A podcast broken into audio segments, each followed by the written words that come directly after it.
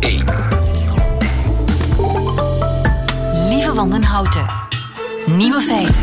Dag, dit is de podcast van Nieuwe Feiten van 14 februari 2019. In het nieuws vandaag dat YouTube de Valentijn Top 10 bekend maakt. De nummers die in België opvallend vaker beluisterd worden op Valentijn. En wat blijkt, we zijn met z'n allen nogal voorspelbaar.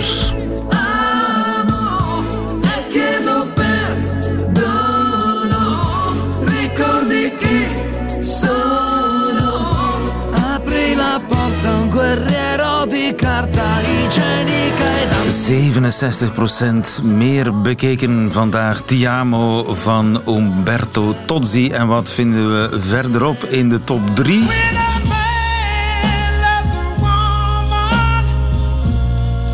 keep his mind on nothing else.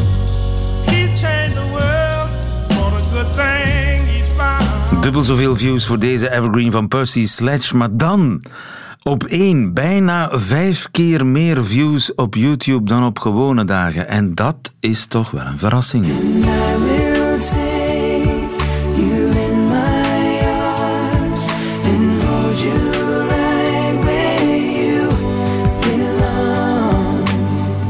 Sync levert de ultieme Valentijnssong voor de Belgen. Tja, geen commentaar. Andere nieuwe feiten vandaag. In het Vaticaan is 80% homo, volgens een studie van een Franse socioloog. Hoe beter het eten op school, hoe beter de punten. Amerika heeft een nieuwe politieke ster. AOC heet ze, dat zijn haar initialen. En in Noord-Korea is crystal meth doodgewoon. De harddrug. De nieuwe feiten van Nico Dijkshoorn krijgt u in zijn middagjournaal. Veel plezier. Nieuwe feiten. Altijd benieuwd. Vandaag komt het nieuws binnen dat vier op de vijf geestelijken in het Vaticaan homoseksueel zou zijn. Rick Torfs, goedemiddag. Goedemiddag. Is me dat verschieten? Nu, ik schrik er niet van, moet ik zeggen. Ik weet wel dat er eh, heel veel mensen, homoseksuelen, zijn die in het Vaticaan werken. Of het nu vier vijfde is of niet, dat is een andere vraag. Eh, de auteur levert daar ook geen wetenschappelijk bewijsmateriaal voor. En ik kan mij ook inbeelden dat uh, priesters die er werken niet meteen op vragen zullen antwoorden. Ook al omdat ze door het celibaat um, zijn gehouden. Daar, uh, dat betekent dat ze in principe helemaal geen seksueel contact mogen hebben. Dus moeten ze ook niet meteen uitpakken met hun voorkeuren. Ja, dus dat getal, dat cijfer, dat is een beetje ja, gissen. Het is een Franse socioloog, ja. Frédéric Montel, die uh, 1500 interviews gedaan heeft in het Vaticaan. En tot dat cijfer komt, tot die conclusie komt, uh, 4 op de 5, 80% homo's in het Vaticaan. In zijn nieuwe boek The Closet of the Vatican, de kast van het Vaticaan, die kennelijk zeer groot is, hè, die kast. Ik denk dat dat waar is. Uh, ik denk dat ook het uh, priesterberoep in het algemeen in de loop der decennia, en zeker dan in westerse landen zoals Europa, Verenigde Staten, uh, meer een beroep is geworden met heel veel homoseksuele kandidaten ervoor. En dat ligt aan een aantal punten, denk ik. vroeger stond de kerk helemaal centraal in de samenleving en had je daar meer mensen van allerlei pluimage. Nu is het toch iets meer in het Westen dan een subcultuur geworden. En een ander punt uh, dat denk ik speelt is uh, de aantrekkingskracht voor schoonheid, esthetiek, uh, het liturgische en rituele. Wierook en, en tranen. Is, ja, voilà. En vooral die wierook lijkt misschien ja, toch iets meer in het algemeen. Ik durf daar geen conclusies over te trekken, maar toch iets meer um, homoseksuele dan heteroseksuele kandidaten aan te trekken. Ja, maar heeft u daar zelf eigenlijk ooit iets van gemerkt? Dat is een, wat een, een beetje een rare vraag. Maar uh, ja, natuurlijk heb ik dat wel gemerkt. Ik heb dat uh, bij sommige van onze studenten bijvoorbeeld vroeger in het Amerikaans college gemerkt. Uh, je merkt dat ook aan de omgang met bepaalde clerici, aan een bepaalde sfeer. Dat is wel zo dat je ziet dat daar een verschuiving bezig is, waardoor het percentage homoseksuele zeker is gegroeid, waar ik op zichzelf uiteraard niks op tegen heb. Maar het is voor de meeste beroepen, denk ik, wel goed om een nogal evenwichtige samenstelling te hebben van de mensen die ervoor kiezen. En er is wel degelijk een verschuiving um, in het Vaticaan en in het Westen. Ah, daar staat dan weer tegenover natuurlijk dat in een aantal andere landen en continenten, Afrika, Azië, er juist een heel negatieve visie over homoseksualiteit bestaat en men daar juist uh, ja, weinig tolerant is uh, tegenover uh, het verschijnsel. En ook tegenover homoseksuele priesterkandidaten. Wat misschien ook verklaart dat de paus recent, in december, nog eens gezegd heeft dat priesterkandidaten best geen homo zijn, waarmee hij een oude instructie uit de tijd van paus Ratzinger uit 2005 bevestigt. Ja. En dat is denk ik een merkwaardig punt, want uh, normaal gezien is deze paus opener. Hij was in 2013 ja. bijvoorbeeld heel io, dat... zei Wie ben ik ja. om hen te veroordelen? Voilà, dat zei hij toen. Hè. Nu merk je dat hij zich terug wat strenger opstelt. En de verklaring is waarschijnlijk dat hij vooral goede contacten wil houden met de hele wereldkerk, Afrika, Azië, Latijns-Amerika. En dus zijn inhoudelijke standpunten een beetje mildert of bijstuurt. En dus niet uh, meer helemaal uh, de kaart trekt, zeg maar, van tolerantie tegenover homoseksualiteit. Ja. Jammer, jammer genoeg, maar daar zijn denk ik politieke redenen voor. Ja, maar ik, ik heb eigenlijk moeite met het begrijpen waarom je zou gaan meewerken aan de top van een organisatie die zich verzet tegen meer rechten voor je gevoelsgenoten. Dat, dat, zit je daar niet mee gevrongen dan? Uh, wel, dat zou u aan de mensen zelf moeten vragen. Het probleem is natuurlijk dat je zou kunnen zeggen dat in theorie een priester, of hij nu homo is of hetero, op exact dezelfde manier wordt behandeld, want hij mag zich niet met seksuele contacten inlaten. Ja. Um, en, uh, dus een priester zelf is minder gediscrimineerd dan een niet-priester die een homoseksuele relatie heeft met een andere man, want dat mag dan in principe niet. Daar is het standpunt van het Vaticaan dat men de geaardheid wil accepteren. Het zijn, je mag het niet doen. Ja, voilà. Uh, en dat is natuurlijk voor een normale burger een probleem. Voor een priester zou dat in theorie geen probleem mogen zijn. Want die mogen sowieso niks doen. Voilà. Ja. ja. Nu, ik kan, me, ik kan me wel voorstellen, ik probeer in mijn wilste fantasieën, heb ik daar rare gedachten bij, maar hoe dat gaat op het Vaticaan. Ik bedoel, is, is kardinaal C dan jaloers op kanonik B, die in het geheim een relatie heeft met een Zwitserse wacht? Uh, ja, dat is natuurlijk romantisch. Zeker de rol van de Zwitserse wachter. Dat is uh, altijd toch wel een kleurrijk element dat erbij komt. Nu, ik denk dat uh, die homoseksuele betrekkingen niet altijd binnen het Vaticaan zelf plaatsvinden. Bijvoorbeeld in het boek staat ook dat kardinaal Lopez Trujillo, die nu overleden is en een conservatieve hardliner was, dat hij vooral seksueel contact zocht met mannelijke prostituees. Hè.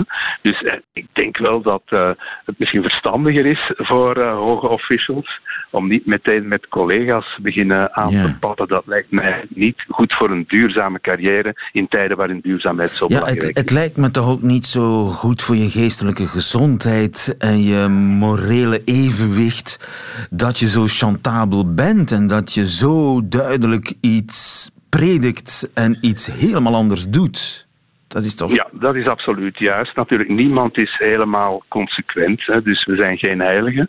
Maar inderdaad, als die kloof zo groot wordt, ontstaat er een probleem.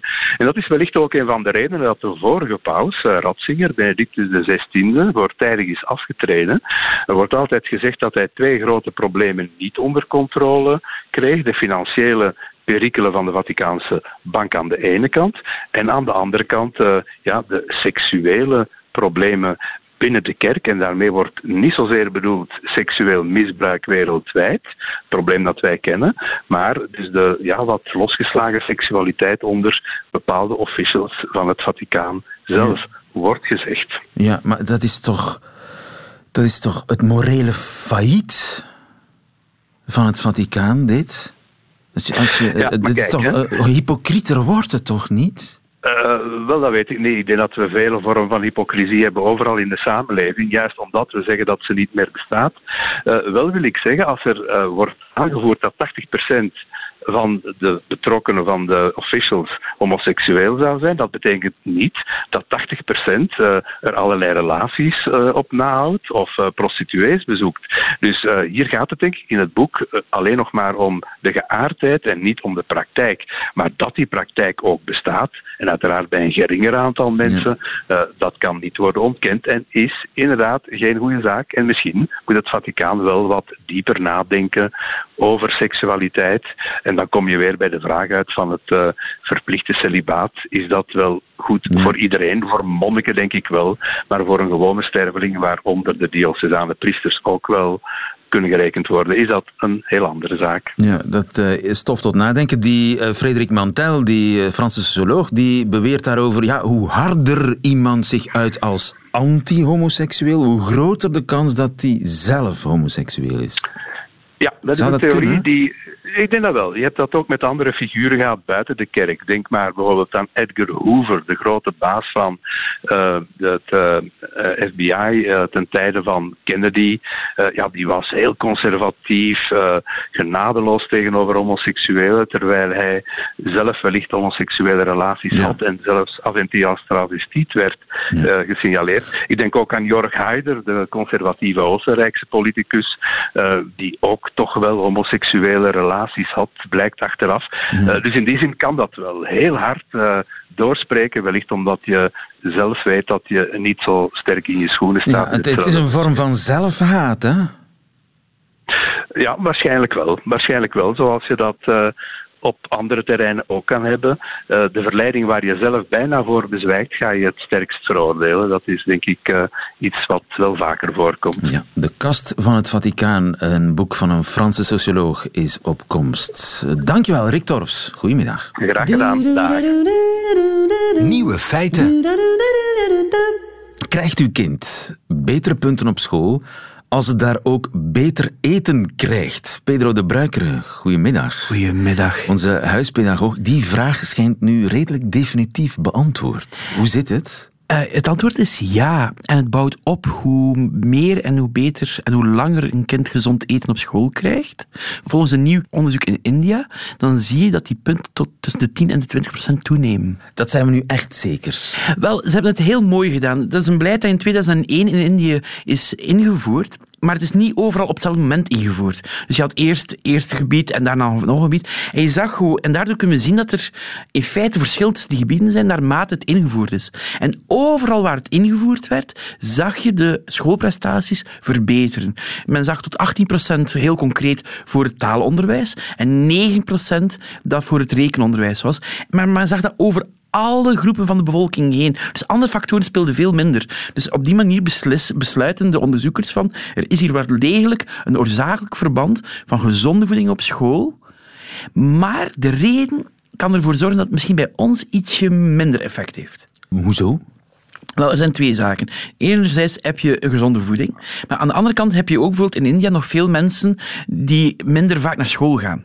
En wat bleek, door gezonde voeding aan te bieden op school, dan kwamen die kinderen ook vaker naar school. En we weten, als je naar school gaat, dat je daar meer van meepikt. En dus dat was ook een belangrijke factor. Dus je hebt die twee mogelijke verklaringen. Ten eerste, je zit er niet meer honger in, je zit daar in feite gezonder. Maar tegelijkertijd zien we ook dat er meer kinderen minder afwezig waren. En dat was een tweede reden waarom dat het effect wel heel duidelijk aanwezig was. Maar ook in studies die bij ons worden gehouden, blijkt datzelfde effect. Wel, als we kijken, er is een heel thema en er is over free lunches op school. En dan zien we wel dat een gezonde voeding op verschillende manieren kan helpen. We zien ook bijvoorbeeld dat dan kinderen bewuster bezig zijn, ook meer leren eten. Uh, we zien in Frankrijk bijvoorbeeld, in verschil met Nederland, dat in Frankrijk meer aandacht is en dat die kinderen ook een gezonder voedingspatroon waarschijnlijk zullen krijgen daardoor. Maar ja, de, de vraag is, gaan ze daar slimmer van worden? Gaan ze beter door presteren op school? Waarschijnlijk wel. Als je kijkt, de onderzoekers van deze studie verwijzen ook naar andere studies. En dan zie je wel op veel vlakken dat gezonde voeding een positief effect kan hebben, ook op leerprestaties. En dat is je motivatie, vergroot of je verstand verbetert. Gewoon puur fysiek, de ontwikkeling. hier, moet ik me, hier moet ik mezelf een joker in zetten. Ik ben een pedagoog en ik ben niet iemand die veel van het lichaam op dat vlak af weet. Dus die verklaring, daar moet ik voorzichtig mee zijn. En dan merk je ook dat bijvoorbeeld deze onderzoekers, die kijken naar heel grote data. Ik bedoel, dat is het leuke aan dit onderzoek. Ze hebben een echt zeer heel groot dataset gebruikt. Maar tegelijkertijd dan naar verklaring, dan moeten we naar theorieën gaan. En dan ben ik daar weer- heel voorzichtig in. Maar we kunnen op, het erop houden dat een combinatie van de twee zal zijn wellicht dat als je goed eet, dat je sowieso meer tijd eh, kunt overhouden en meer energie kunt overhouden voor je schoolboeken. Bijvoorbeeld. En eh, als we kijken ook, ik, zie- ik zie bijvoorbeeld, zowel hier in Gent zijn er echte pistes om meer in te zetten op gezonde voeding. Eh, ik ken projecten van in Londen, waarbij ook bij scholen waar dat er ook heel veel kinderen zijn uit bijvoorbeeld armere achtergrond, dat men echt heel erg inzet op die eh goede schoolgewoontes van vo- voedsel. Maar er komt nog één ding bij.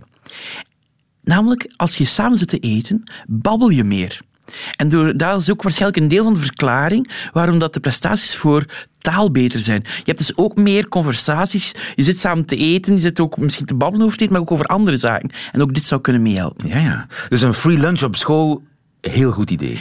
Uh, als we gaan kijken, deze, in dit onderzoek, ze keken naar het, wat dat tot dat moment het belangrijkste effect was, dat waren bijlessen. En bijlessen is een zeer goedkope, goede maatregel, maar deze maatregel was goedkoper en had net iets als een beter effect. Nu, de onderzoekers zeggen best beide doen, maar in dit geval zeker ook de gezonde maaltijd. Pedro de Bruikere, dankjewel. Goedemiddag. Radio 1. Nieuwe feiten. Weet u wat het populairste cadeau is in Noord-Korea tijdens de feestdagen? Het is crystal meth. Remco Breuker, goedemiddag. Goedemiddag. Je bent Noord-Korea-expert van de Universiteit van Leiden. Crystal meth, dat is toch harddrugs, hè? Ja, nee, dat is, dat is een ontzettend schadelijke druk, absoluut. Ja. En eh, is dat echt? Want ik ben tegenwoordig bang dat het fake nieuws is allemaal. ja, zeker als het eh, over Noord-Korea gaat, moet je altijd eh, nog een keer checken en nog een keer checken. Maar dit is, dit is echt waar. Noord-Korea is al jarenlang een, een bekende producent van crystal meth. Crystal meth, en dat is toch een soort, ja, eh goedkoper cocaïne? Ik, dat zou ik niet weten als ik, eerlijk ben. Ik heb geen idee. eh, Het, het is in ieder geval een zwaar spul en het is extreem Ja. verslavend. Ja, het is extreem verslavend. En een voorloper daarvan werd ook in de Tweede Wereldoorlog gebruikt om soldaten wakker te houden tijdens veldslagen. Dus het is ook hartstikke bruikbaar als je, als je arbeiders iets wil laten afbouwen bijvoorbeeld. En dat gebeurt in Noord-Korea nog wel eens. Maar ben je nu eh, aan het zeggen dat het regime crystal meth geeft aan de arbeiders? Ja, dat, dat doet het. Ehm, en het was zelfs zo dat het regime, dat doet het nu niet meer voor zover ik weet, de crystal meth produceerde en naar het buitenland eh, exporteerde. Illegaal natuurlijk. Daar is het mee opgehouden, maar privépersonen, privéorganisaties doen het nog steeds, produceren het nog steeds in Noord-Korea. Dus er is heel wat crystal meth know-how in Noord-Korea. Men zegt dat de crystal meth uit eh, Noord-Korea de beste crystal meth is, de zuiverste die je kunt vinden, omdat het onder ideale omstandigheden wordt geproduceerd, gewoon eh, in eh, ja, een plein publiek eigenlijk, met, met gediplome- gediplomeerde chemici die het proces uitvoeren. En het was dus ooit helemaal niks illegaals daar. Nee, klopt. In Noord-Korea zelf niet. Nee, mensen gebruikten het zelf, maar het werd ook zeker voor de export geproduceerd. Totdat er echt een epidemie kwam aan de andere kant van de grens in China. En toen heeft China aan de bel getrokken en heeft de Noord-Koreaanse overheid zich echt de handen ervan afgetrokken.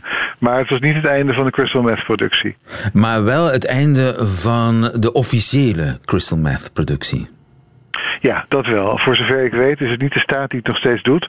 Al laat de staat zich wel in omkopen om aan de andere, aan de andere kant uit te kijken als het ergens gebeurt. Ja, ja, en de mensen die het vroeger deden, of hun opvolgers, die doen het nog steeds. Maar dan eigenlijk min of meer stiekem. Het produceren bedoel ik.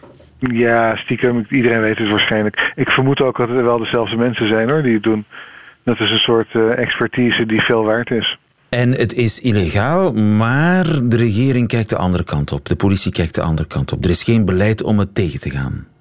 Nee, absoluut niet. En strikt genomen is het misschien niet eens illegaal. Ik, ehm, ik weet niet wat, eh, wat de wettelijke status van crystal meth in Noord-Korea is. Eh, ik heb nog nooit een wet daarover gezien.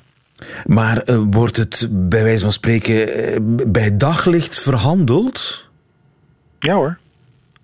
Nee, dat is geen probleem. Kijk, de staat staat er toe, dan is het gesanctioneerd en dan, dan is het ook allemaal in Noord-Korea zelf eh above board. Dus daar hoef je niet heel moeilijk over te gaan doen. En het wordt massaal gebruikt. Ja, het wordt op vrij grote schaal zeker in de noordelijke provincies gebruikt, ja. Door mensen die uit de grauwe werkelijkheid willen wegvluchten? Ook wel, maar crystal meth is natuurlijk een vorm van speed. Dus je wordt er heel erg, echt heel erg veel energie van. Tenminste, tot, tot je de prijs ervoor betaalt. Het wordt ook veel gebruikt door arbeiders. Of, of um, die, die uh, aan een project werken waarvan iets af moet. En als je dan niet meer verder kan, dan helpt speed je verder. Je betaalt er natuurlijk, uh, nou, ik heb me laten, heb laten vertellen, een, een, zware prijs voor later. Maar zo wordt het gebruikt, ja. Je betaalt er een zware prijs voor later. Je gezondheid gaat eraan kapot. Je, ja, ja. Maar dat is eigenlijk voor het regime geen zorg. Nee, Nee, want je kan toch aardig wat arbeid uit uh, het lichaam van een uh, crystal meth verslaafde arbeider halen, volgens mij. Dus nee, voor het regime is het niet zo'n zorg. Zij cynischer wordt het toch niet? Wat zegt u? Cynischer wordt het toch niet? Nee, nee het is, ik, bedoel, ik, heb, ik, ik weet dat dit gebeurt. Ik, ik heb er al veel over gelezen en ook over geschreven zelfs. Maar als je er goed over nadenkt, nee, dit is, dit is natuurlijk extreem erg. Het is heel erg cynisch ja, dat de staat dit doet met zijn eigen onderdanen. Ja, chockerend, maar waar. Remco Breuker, dankjewel. Goedemiddag. Graag gedaan. Radio. Radio 1. Nieuwe feiten. Is AOC de nieuwe JFK? Women like me aren't supposed to run for office. I wasn't born to a wealthy or powerful family. Mother from Puerto Rico, dad from the South Bronx. I was born in a place where your zip code determines your destiny. My name is Alexandria Ocasio-Cortez. AOC, Alexandra Ocasio-Cortez, de nieuwe ja, politieke ster in Amerika. Een paar jaar geleden werkte ze nog in een bar in de Bronx. Ja, dat is een fantastisch verhaal, deze vrouw. Inderdaad, zoals ze zegt, uit de South Bronx en een deel uit Puerto Rico afkomst. Een deel van Amerika, New York, South Bronx, waar je nou niet meteen denkt aan een politieke dynastie of een politieke afkomst die je meteen een podium geeft. Deze vrouw is heel jong heeft een gewone baan. Ik bedoel, niemand let ooit op een freshman, een eerstejaars congreslid in het Huis van Afgevaardigden. Het is geen senaat, het is geen presidentschap uiteraard. Dit is een gewone, laten we zeggen, afgevaardigde baan. Maar deze vrouw, Alexandria Ocasio-Cortez, heeft er iets van gemaakt door haar podium te gebruiken. Door haar social media kunde te gebruiken. Het is iemand die een enorme stem heeft gekregen, die er ideeën daadwerkelijk kan neerzetten op een speelse, vrolijke, jonge, andere manier. En zo valt ze enorm op. Ja, het is het jongste vrouwelijke congreslid ooit. En ze maakte het meest bekeken politieke filmpje ooit op Twitter. Let's play a game. I'm going to be the bad guy, which I'm sure half the room would agree with anyway. And um, I want to run. If I want to run a campaign that is entirely funded by corporate political action committees, is that is there anything that legally prevents me from doing that? No. Okay, so I can be totally funded by oil and gas. I can be totally funded by big pharma. Come in, write big pharma laws, and there's no limits to that whatsoever. That's right. Okay, so, and it's already super legal, as we've seen, for me to be a pretty bad guy. So it's even easier for the President of the United States to be one, I would assume. That's right. Thank you very much. Ja, dit is uh, vintage AOC, zou ik zeggen, hè, Michiel? Ja, zij is een beetje op een soort prangende, beetje bijterige toon heeft het hier over hoe je een campagne kan financieren en hoe je dat op een hele slechte manier kan. En dat is allemaal volstrekt legaal in Amerika. Dus je kunt geld ophalen bij allemaal slechte, laten we zeggen, afkomsten, maar dat kan allemaal. En ja, dat heeft ze inderdaad op social media gezet en zij heeft een manier om een publiek te bereiken dat uh, nou ja, een andere meneer met oranje haar in het Witte Huis ook kan. Laten we dat niet vergeten. Maar die doet het op een andere manier, Do Donald Trump. Zij doet het op een soort speelse, openlijk vrouwelijke, uh, beetje plagerige, nieuwe manier. En die valt enorm op. En dat is, ja, zo heeft ze van dat ene baantje. Er zijn 435 leden van het congres. Jij hebt mij nog nooit gebeld over een lid. Laat staan een freshman. En nu bel je mij na een paar maanden al over deze vrouw. Dat is omdat zij een wereldwijd podium heeft gekeerd voor haar ideeën, voor haar stem, voor haar, ja, voor haar manier van, van, uh, van politiek bedrijven. Ja, meer dan 3 miljoen volgers op Twitter. Ja. Dat is meer dan mevrouw uw schoonmoeder Nancy Pelosi. Ja, maar mijn vrouw, mijn schoonmoeder, is eigenlijk een saaie twitteraarster. Die, die twittert zoals je, zeg maar, vroeger twitterde gewoon met boodschappen. We moeten dit, we moeten dat. De Democratische Partij staat hiervoor en daarvoor. Dat is natuurlijk allemaal heel erg saai. Deze vrouw, die doet het heel speels. Die daagt uit, maakt ruzie, um, pakt terug, uh, is heel snel en rap. En ja, veel, uh, dat is op een hele andere manier. Die gaat het conflict niet uit de weg. Maar ze doet het op een manier Eh, er zijn andere freshmen die al meteen in de problemen zijn gekomen wegens uh, vermeende antisemitische opmerkingen of uh, het zeggen van motherfucker over de president, dus het over de president. Dat gaat dan net ver. Deze vrouw, Ocasio-Cortez, die weet het net binnen de randen te houden. En dan wordt het en aantrekkelijk en leuk. Natuurlijk is ze een handvol hè, voor het leiderschap in de Democratische Partij. Het is een vrouw die natuurlijk veel aandacht krijgt en veel aandacht vraagt. Dit is ook een, ge, gemaakt doelwit voor rechts. Ze is natuurlijk obsessie voor rechts. Die vinden haar eng en naar en socialistisch en uh, gevaarlijk. Die ze hebben haar proberen zwart te maken elke dag. Die zijn met haar geobsedeerd. Maar het is een vrouw die inderdaad enorm opvalt in het anders zo een beetje saaiige congres op Capitol Hill in Washington. Ja, maar er was ooit uh, kritiek op haar omdat ze ooit blootsvoets ergens gedanst had, geloof ik, hè? Ach, blootsvoet zou hebben gedanst. Inderdaad, ze zou hebben gedanst. Ze zou, uh, daar heeft ze toen een soort van ja, social media ruzie van gemaakt. Ze, zou, uh, ze heeft kritiek gekregen omdat ze een te, te duur jurkje zou aan hebben. Terwijl ze zou hebben geklaagd dat ze niet veel geld had. Ze wordt dan aangepakt of ze wordt dan tegen het licht gehouden. Uh, met name door conservatieven, die haar natuurlijk een mooi socialistisch object van, van, van spot zien. En dan slaat ze terug op een leuke manier. Ja, dat is, dat is subjectief natuurlijk, of je dat leuk vindt of niet. Maar ze doet het wel. En dat ze gaat bijvoorbeeld heel, dansen, uh, ze gaat dansen in het parlement. En ze filmt Ze dat en ze, in- zet, en ze zet eigenlijk een neus naar haar critici. Ja, ze, ja, inderdaad. Ze danst in het parlement en ze maakt van haar eigen gedrag zeg maar een soort politiek statement. Van jullie zijn niet mij, jullie zijn eigenlijk jaloers en jullie willen gewoon een man, een blanke man in grijs pak. Dat wil je.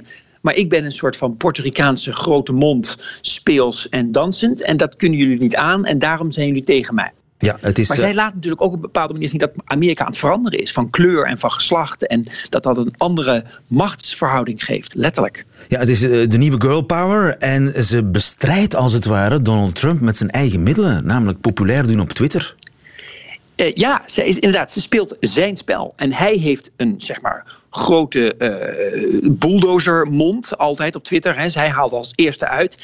Zij heeft ook een beetje een bulldozermondje, maar het is nogmaals veel speelser en veel, ja, veel meer gericht op het social media. Het is een, het, het idee van een 70-jarige die gewoon dwars door het midden eh, doorheen raast. Dat is Donald Trump. En dan heb je een soort 29-jarige, een enorm verschil in leeftijd, die het opeens heel anders aanpakt. En dat valt enorm op in Washington, waar de politiek niet zo saai is. Donald Trump is niet een saai politicus.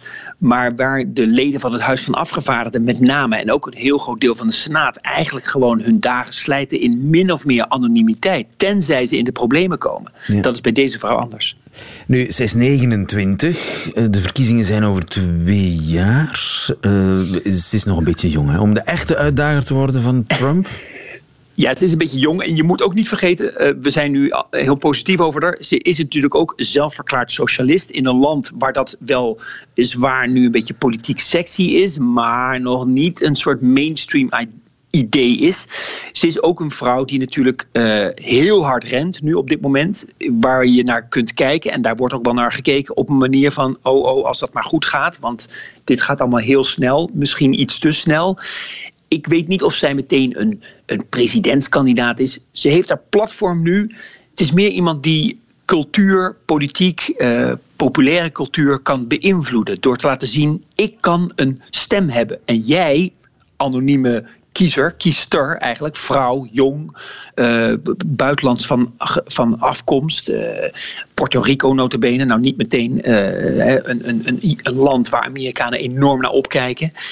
Jij kunt ook in het parlement of in de politiek op dat podium en een stem krijgen en ervoor zorgen dat dit land er anders uitziet dan bijvoorbeeld een blanke Donald Trump. Ja, eh, presidentskandidaat. Het lijkt onwaarschijnlijk, maar niets is eh, onmogelijk in de Nee. Amerikaanse politiek. Dat hebben we in elk Niets, geval de voorbije jaren al geleerd.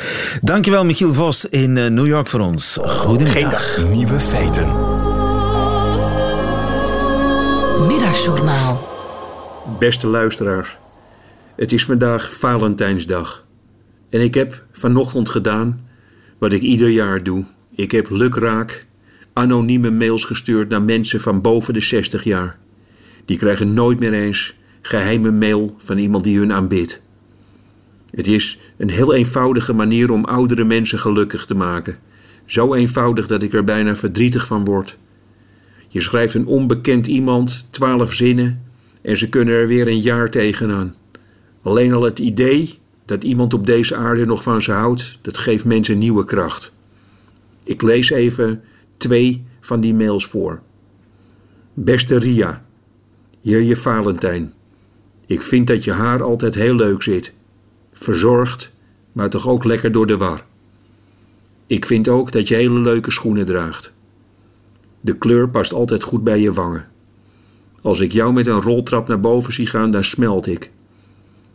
Hoe jij op een kassabonnetje kijkt of de melk niet twee keer is aangeslagen. Ja, Ria, alleen jij doet dat met een enorme grandeur en souplesse. Ondanks je heup vind ik je nog heel leuk dansen. Ik denk vaak aan jou, Ria, je stille aanbidder. En daar kan zo Ria dan weer eventjes mee voort. Bij mannen vind ik het veel lastiger. Ik heb een zekere Leo de volgende mail gestuurd. Beste Leo, met je kenmerkende hoektanden, wat een prachtkop heb je toch. Hoe jij kijkt als je een recept niet begrijpt, dan smelt ik. Jij bent een man die zijn schilderijtjes recht ophangt. Dat waardeer ik enorm. Leo, dat vind ik ook een prachtige naam. Veel beter dan bijvoorbeeld Giovanni Lacosti Madrifilane. Dat doe jij niet aan die onzin. Jij heet Leo en je doet Leo dingen. Zoals kijken naar een langslopende eend. Dat is alles waar een vrouw naar verlangt, Leo. Misschien ben je dan wel eens 86 uur per week alleen, maar weet dat er altijd iemand is die aan je denkt. Ik kan het natuurlijk niet controleren, maar ik denk dan dat die mensen daarvan opknappen. Valentijnsdag dreigt nu te worden gekaapt door kinderen van 16 die niet alleen nog maar kunnen zingen met autotune en die een tatoeage van hun vriend in hun tong laten prikken. Maar ik zelf weet als oude man dat liefde leeftijdsloos is. Deze is daarom voor jullie allemaal, vrouwelijke luisteraars van boven de 60. Hé jij daar, met je leuke jurk aan. Weet je dat de mensen altijd moeten lachen als jij lacht? Nee, het is echt zo. Verander dus niets. Blijf wie je altijd al was. Voor mij is dat meer dan genoeg. Dag leuke vrouw, die heel veel heeft meegemaakt.